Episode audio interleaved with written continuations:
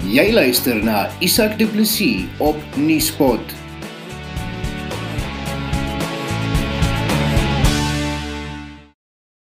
Die skrywer en politieke kommentator Ismail Lagardin skryf in Daily Maverick dat die moontlikheid om president Cyril Ramaphosa te herroep nie net wensdenkery is nie. Hy sê die ANC se geskiedenis dui daarop dat dit 'n werklikheid kan word. Volgens die artikel kan 'n groep in die ANC wat radikale ekonomiese transformasie voorstaan, selfs met die EFF saamwerk om van Ramaphosa ontslae te raak. Die politieke ontleder, professor Andrei Dievenage, het 3 maande gelede iets soortgelyk gesê, maar sy ontleding is nie positief ontvang nie. Nuuspot het in die lig van Lagardien se artikel met Dievenage gepraat en aan hom gevra hoe sake in die ANC staan en wat president Cyril Ramaphosa se posisie in die party is. Ek dink om mee te begin, moet ons sê dat die ANC se krisisse kom nou nie van gister en eergister nie, dit kom selfs van voor daardie tyd. Hulle is basies as 'n familie, 'n organisasie wat permanent half in konflik of in konflikterende belange situasies verkeer. Maar 'n mens moet sê nog altyd was daar 'n vorm van leierskap en besluitneming binne die organisasie en dit kom my voor dat die laaste klompie maande is daardie leierskap basies afwesig. Mens kry die idee van ernstig konflikterende uitsprake. Mens kry die idee dat meneer Ramaphosa eintlik nêrens prominent figureer nie en dat heel dikwels word uitsprake deur ander persone kom ons sê Nkosazana Dlamini Zuma en selfs eh uh, die sekretaris-generaal Ysmagashule en partymal sommer ander woordvoerders gemaak. Dis vir my duidelik dat die organisasie as organisasie in krisis is en dat 'n deel van daardie krisis die gebrek aan leierskap is. En ek is steeds van mening dat meneer Ramaphosa voor ernstige uitdagings te staan gekom het. Trouwens, die uitdagings het eintlik vererger sedert ek daardie standpunt gestel het omtrent 3 maande gelede. Op hierdie oomblik sit jy werklik met 'n situasie waar die ekonomie besig is om 'n groot moeilikheid in te hardloop. Mike Schuessler se berekeninge dui daarop dat ons maandeliks in 'n groter wordende tekort of eskalerende tekort van 60 tot 65 biljoen in beweeg en dis duidelik dat die leierskap binne die ANC ontbreek om behoorlike besluite te neem. Dis duidelik dat meneer Ramaphosa en hy het dit oor die naweek gesê, uh hy stel eenheid van die party bokant 'n sterk presidentskap. Wat eintlik maar vir ons sê, hy's nie bereid om die besluite te neem wat moontlike verdeeldheid kan veroorsaak nie. En dit laat mens vra uh laat vra soos byvoorbeeld die toekoms van die Zondo-kommissie. As die Zondo-kommissie dan nou senior mense impliseer en die politieke wil bestaan nie om die besluite deur te voer nie, waar laat dit ons? En Isak, dit is werklik 'n baie slegte scenario. Mense kan met krisisse nog op 'n manier werk en planne beraam, maar as die leierskap en die politieke wil nie daar is nie, dan het jy werklik 'n probleem. Wat hou die situasie spesifiek vir president Cyril Ramaphosa in volgens jou ontleding daarvan? Uh twee scenario's. Hy kan bly kontinueer as 'n afvlerk president wat niemand geen groot skade gaan berokken nie. Hy gaan dus nie besluite neem nie. Hy gaan maar so op sy lyn bly aangaan.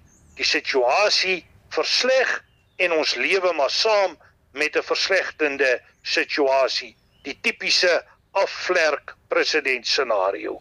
Die ander scenario en dit is die een waaroor ek 3 maande gelede die inligting ontvang het en wat weer begin al hoe meer in die media na vore tree, is die scenario waar Alatabu Mbeki meneer Ramaphosa versoek kan word uh om terug te staan en uh waarskynlik teruggeroep kan word deur die ANC Nou uh, ek wil nie dit as 'n absolute scenario stel nie, maar as jy kyk na sy leierskap profiel op die oomblik, as jy kyk na die tipe besluite wat hy neem of eerder die gebrek aan besluite wat geneem moet word, dan is dit vir my asof ons ten minste met 'n afwesige president te maak het en dat mens eintlik amper kan sê dat ons bykans leierloos en rigtingloos inbeweeg in waarskynlik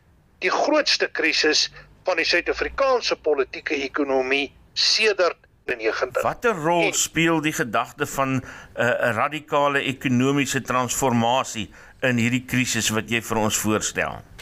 As ons die ANC ontleed, dan kan jy ten minste en as waarskynlik meer wees, maar in die geval twee belangrike belangegroepe, dit is die konstitusionaliste of die hervormers wat eintlik probeer om te kyk of hulle die grondwet kan herstel, artikel 9 instellings weer funksioneel kan kry, eintlik Suid-Afrika weer kan probeer maak werk binne die bestaande grondwetlike raamwerk.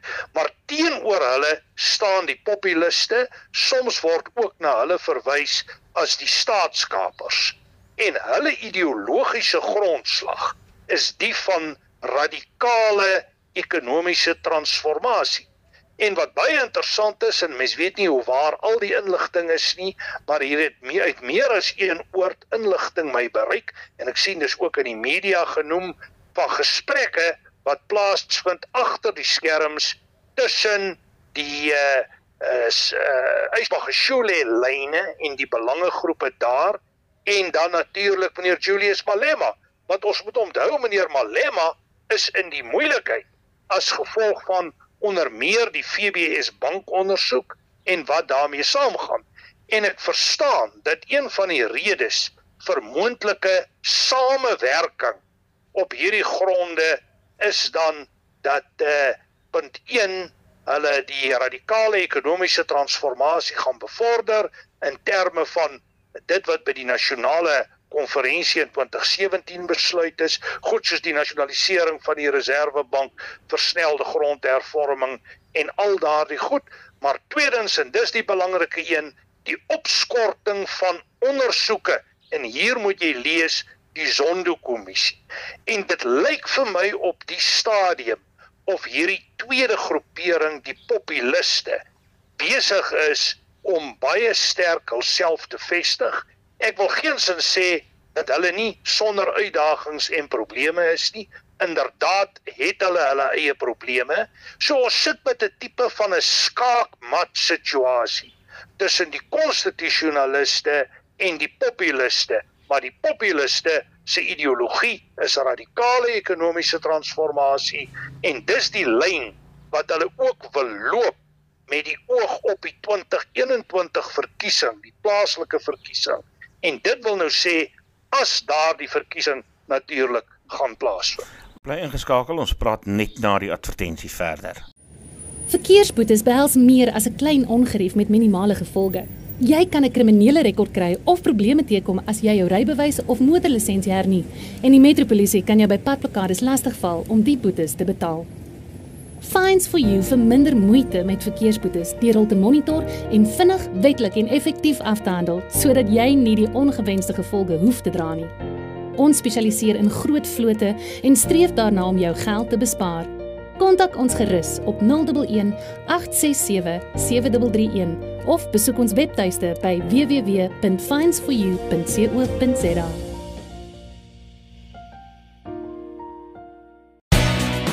Jy luister na Isak Du Plessis op Nieuwspot.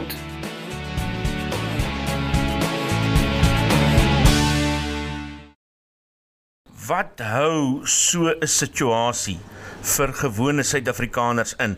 Die een wat jy nou beskryf het waar 'n uh, radikale ekonomiese transformasie voorop gaan staan en ons 'n klomp veranderinge gaan sien en goed soos die Sondekommissie dalk die risiko loop om beëindig te word. Wel, uh Isak, ek dink ons keuse lê tussen 'n slegte saak scenario en 'n nog slegter saak scenario. Die slegte saak scenario is min of meer die een waar die konstitusionaliste beheer behou. Hulle probeer die goed maak werk. Hou Suid-Afrika aan die gang. Kyk of jy ekonomiese investering kan bevorder en kyk of jy ons op 'n manier uit hierdie geweldige finansiële en ekonomiese krisis kan haal. Ek kan sommer net 'n syfer hier noem. Die beplande begrotingstekort vir 2020-2021 was bereken op hier rondom 350 miljard. Die verwagting van Mike Schuessler is dat dit kan vergroot na tussen 750 en 800 miljard. So dit bevestig vir ons die krisis. Maar na die ander kant toe en dit is die sterker groep, hulle gaan populisties probeer werk. En hier kan jy aanvaar gaan hulle probeer om selfs die lading van skuld te vergroot met vergrote toelae vir mense. Hulle praat al reeds hier van 1200 rand per persoon. Jy kan verwag dat daar op grondhervorming en artikel 25 uh se wysiging van die grondwet gekonsentreer gaan word. En ek moet eerlik sê, wat dit vir die gewone man beteken, is 'n baie slegte saak scenario. Daar's werklik groot kommer oor werksgeleenthede, oor die moontlikheid van verliese van werksgeleenthede, die kans dat die staat nie by magte kan wees om hulle salarisrekening te betaal nie. Mens dink aan die 17 miljoen mense wat toelaag moet ontvang.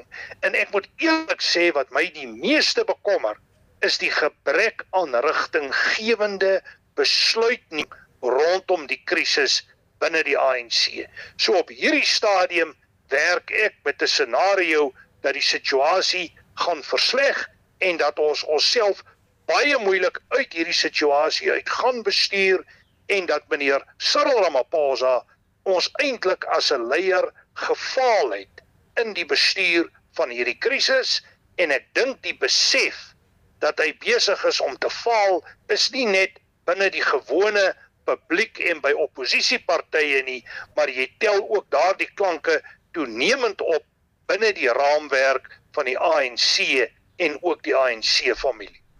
Is Ysmagashule sterk genoeg binne in die party om hierdie soort veranderinge teweeg te bring en sy lyn soos jy dit noem sterker na vore te laat kom? Ek dink hy is nie sterk genoeg nie. Hy sit met sy eie politieke uitdagings rondom gangsterstyd as ek dit sommer so kan noem om Pieter Louw Meyburg aan te haal en uh, al die klagtes wat hardloop teen hom uh op soveel vlakke mens dink aan die melkprojek, die asbesprojek, jy dink nou aan sy seun en sy oom wat deur tenders bevoordeel is selfs rondom COVID-19. So sy posisie is ten beste nie baie sterk maar waar hy uiters gevaarlik is, is sy vermoë om netwerke te skep agter die skerms. En dit is hier waar die malemmas in die spel inkom. Ek verstaan of dis die inligting wat ons het dat Lindiwe Sisulu ook nader aan hom beweeg het uh sedert die kabinet skommeling van 'n tyd gelede toe sy nie uh bepaalde senior posisies gekry het nie. Ons is bewus van verskeie Zuma loyaliste wat gebaat het in die tyd van staatskaping wat gevestigde belange daarbey het dat die Zondo kommissie van ondersoek nie voortgaan en nie bevindinge maak nie. En ons moet net onthou Isak dat hierdie probleem is so groot dit impliseer baie meer as net enkele individue binne die ANC. Maar meneer uh Magashule se vermoë om daai groepering, hulle verwys soms na hulle as the coalition of the wounded, bymekaar te bring, maak hom 'n gevaarlike faktor. En op die oomblik dink ek strategies gesproke is hy ten minste op die politieke vlak beter geplaas as die president. Wanneer dit kom by die juridiese vlak en die klagtes teen hom, dan is hy in 'n baie slegte posisie maar ons moet net onthou dat meneer Ramaphosa ook nie kwyt geskel is nie. Hy word ook geïmpliseer, sy seun word geïmpliseer, verkiesing omkopery word genoem, daar word gepraat van B transaksies en so meer en ons moet onthou Hy was die adjunkt president in beheer van semi-staatsinstellings toe al daardie groot krisisse binne Eskom uitgespeel het met Brian Molefe en talle ander. So ons sit hier met 'n baie moeilike situasie en dit is een van die redes waarom ons nie doelgerigte en daadwerklike besluitneming kry in hierdie tyd van krisis. Bly ingeskakel, ons praat net na die advertensie verder. Wil jy seker maak dat jou boedelbeplanning, eiendomstransaksie of ander regswerk deur professionele kundiges hanteer word? Hurter Spies Prokureurs beskik oor uitstekende kundigheid wat die opstel van testamente en die hantering van boedels betref.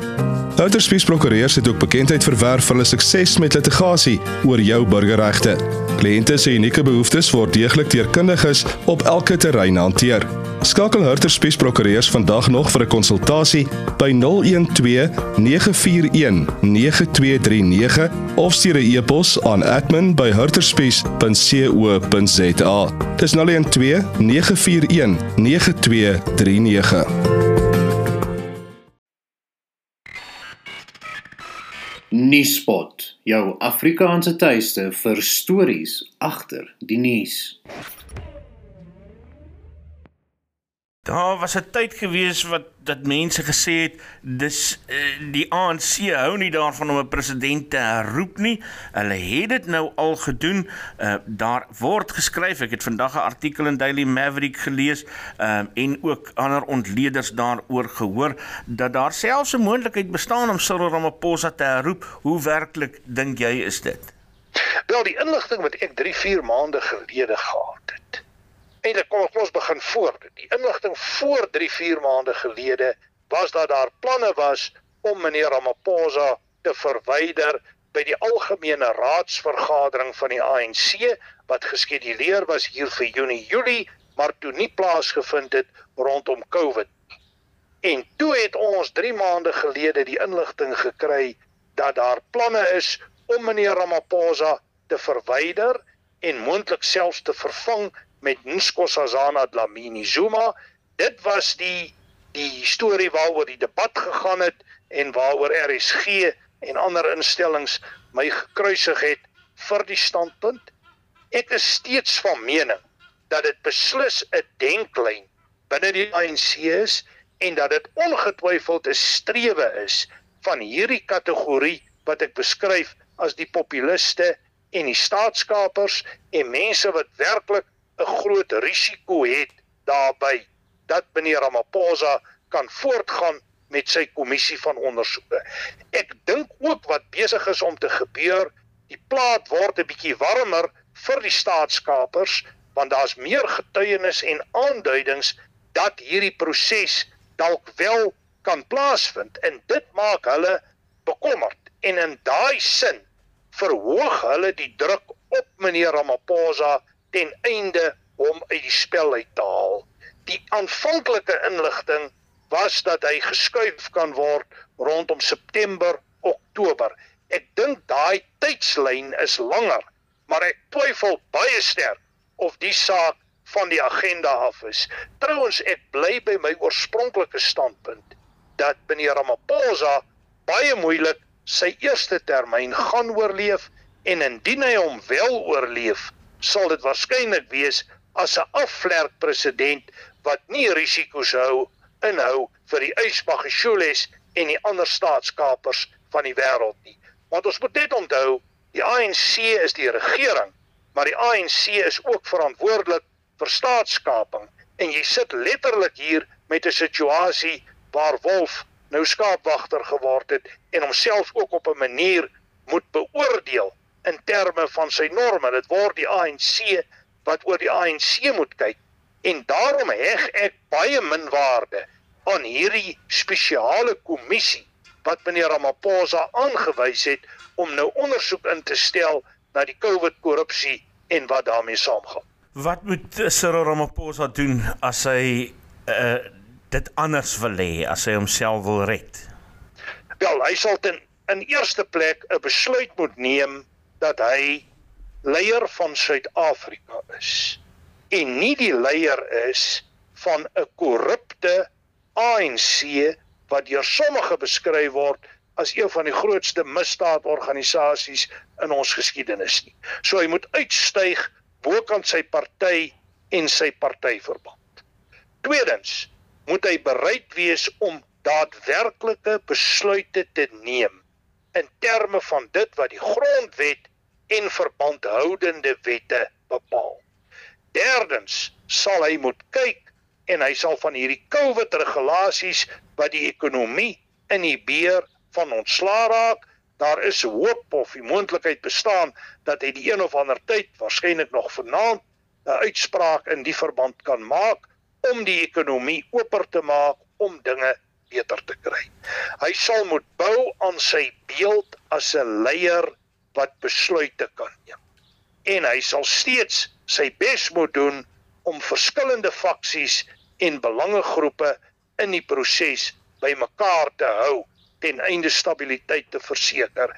En natuurlik moet hy 'n ekonomiese omgewing skep waarin mense bereid is om te investeer. Nou hierdie goed wat ek nou hier genoem het, is groot goed. En die vraag is of meneer Cyril Ramaphosa die guts het om hierdie goed te doen. Sover is daar min getuienis hiervan. Dit was professor Andrei Dievenage, politieke ontleder aan Noordwes Universiteit. Ek is Isak Du Plessis.